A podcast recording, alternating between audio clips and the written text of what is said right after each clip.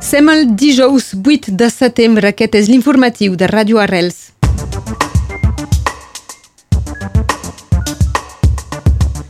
Un grup d'eurodiputats catalans dels Verds i l'Aliança Lliure Europea tornen a demanar la reobertura dels passos fronterers.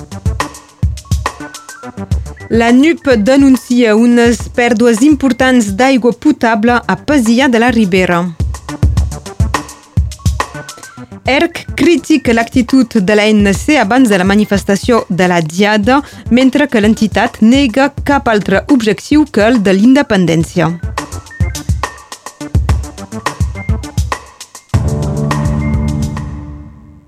Es preveu una mobilització dels treballadors del Liceu Picasso de Perpinyà aquesta tarda a partir de les 6 i quart amb una concentració davant de la seu de la Direcció dels Serveis Departamentals de l'Educació Nacional per reclamar una audiència urgent.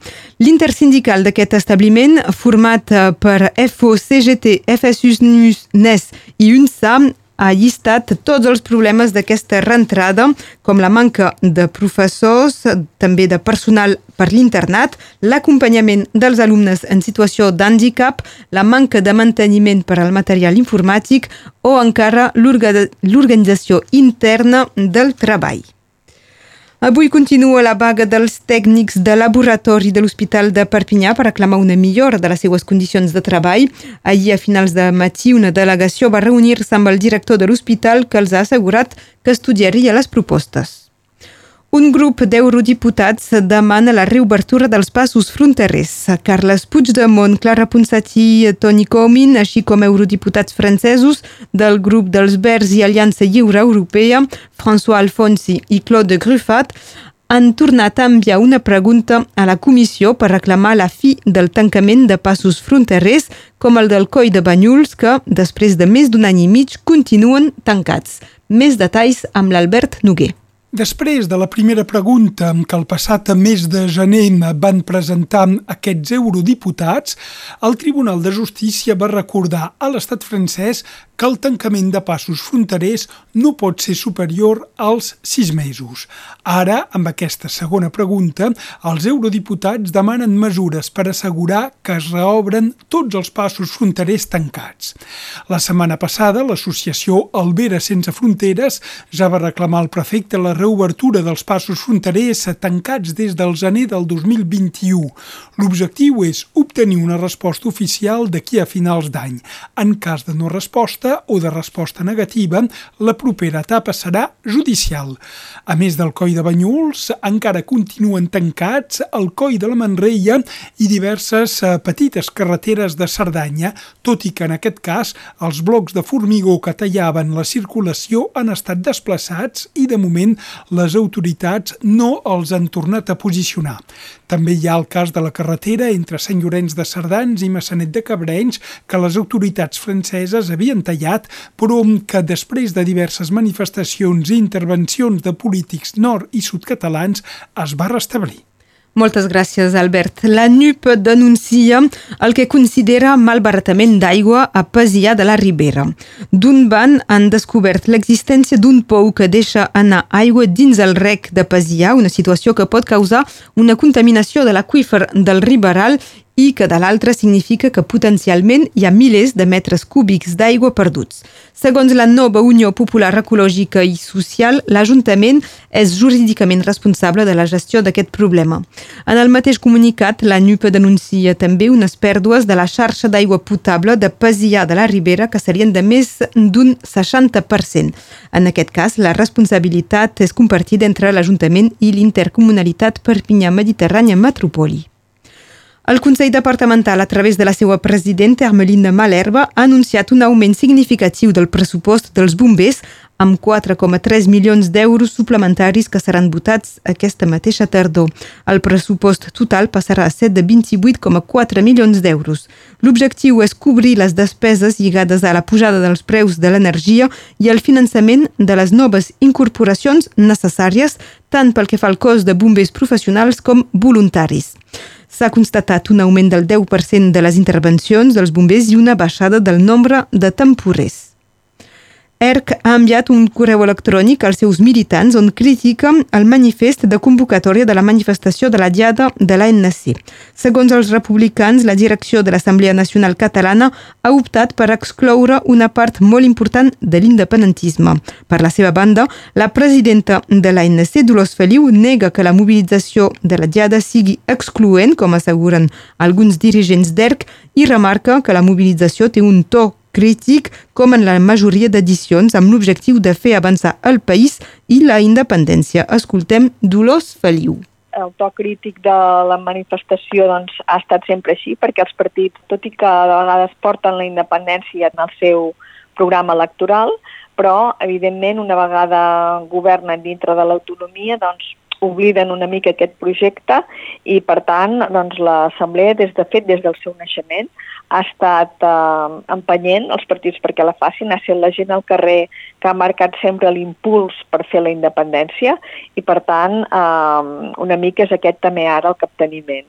Hem passat un, molta repressió, recordem que hem tingut gent empresonada, que encara tenim a prop de 5.000 represaliats amb causes obertes per participar en manifestacions o bé fins i tot doncs, per posar llaços grocs i ens han intentat doncs, uh, limitar aquests drets de protesta i aquests drets de democràtics de votar per l'autodeterminació. Estem en un moment una mica diferent que fa cinc anys de l'1 d'octubre per tant, entenem que en aquests moments ja hem tocat una mica fons i per tant hem de, hem de tornar eh, als carrers per efecte, per reivindicar i per aconseguir la independència sempre per mitjans democràtics i pacífics. Eren les paraules de Dolors Feliu, presidenta de l'ANC, l'Assemblea Nacional Catalana, que convoca la manifestació d'aquest diumenge 11 de setembre pels carrers de Barcelona. L'Ajuntament de Portbou, a l'Alt Empordà, recomana no consumir aigua de l'aixeta ni per beure ni per cuinar. Les anàlisis mostren una alta concentració de ferro i manganès. Una de les causes seria la presència d'una microalga que hauria aparegut per la falta de pluges i per les altes temperatures d'aquest estiu. L'aigua de l'aixeta surt tèrbula i des d'aquest cap de setmana un camió cisterna reparteix aigua a la població. La Comissió Europea vol fixar un preu màxim per l'electricitat. Aquesta comissió proposa que les companyies que fan beneficis rècord amb l'augment dels preus de les energies fòssils dediquin una part dels seus beneficis a una contribució de solidaritat per reduir l'impacte de l'augment del preu de l'electricitat pels més vulnerables. És una bona notícia pels vins europeus. El govern britànic està estudiant ajornar l'obligatorietat de les etiquetes d'importació per vins europeus fins al 2024. Aquesta mesura derivada del Brexit havia d'entrar en vigor el pròxim 1 d'octubre. Si finalment s'ajorna, les ampolles de vins i licors de productors europeus encara podran entrar al Regne Unit amb identificació europea. Quan s'apliqui la mesura, els vins hauran de tenir una empresa britànica responsable i, per tant, una etiqueta nova que farà augmentar el cost de cada ampolla. Acabem amb els esports. En futbol, el Barça va guanyar còmodament ahir en el seu debut d'enguany a la Lliga de Campions. Els blaugranes es van imposar al Camp Nou 5 a 1 contra el Victoria Pilsen, el rival teòricament més feble del seu grup. A notar que els tres gols marcats pel polonès Robert Lewandowski. En l'altre partit del grup, els alemanys del Bayern de Múnich s'han imposat 0 a 2 al camp de l'Inter de Milà.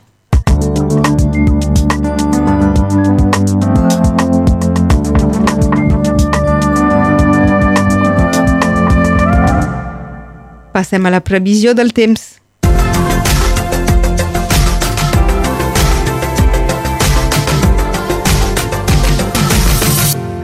Aquest dijous és un dia ben assolellat amb cel serè a tot Catalunya Nord. Pel que fa al vent, és inexistent, excepte aquesta tarda a muntanya, quan hi podrà haver ratxes de fins a 40 km per hora. Pel que fa de les temperatures màximes, són semblants a les d'aquests dies i per sobre de les normals de temporada. Les màximes arribaran fins als 31 graus al Baix Vallespí, també a la Vall de l'Aglí, 30 graus a la plana del Rosselló, 28 al Baix Conflent, 27 graus a la costa, 25 del banc de l'Alt Conflent o 22 graus a Cerdanya i Capcí. Podem també dir que faran 20 graus de màxima a Andorra la Vella. El sol es pondrà a les 8 i 10 d'aquest vespre, perdrem 3 minuts de llum del dia. Un dia com avui, del 1830, va néixer Frederic Mistral, l'escriptor occità que va guanyar el Premi Nobel de Literatura. Va morir als 83 anys al març 1914. Avui per l'UNESCO és el Dia Mundial de l'Alfabetització i Andorra és la festa nacional se celebra el Dia de la Mare de Déu de Meritxell.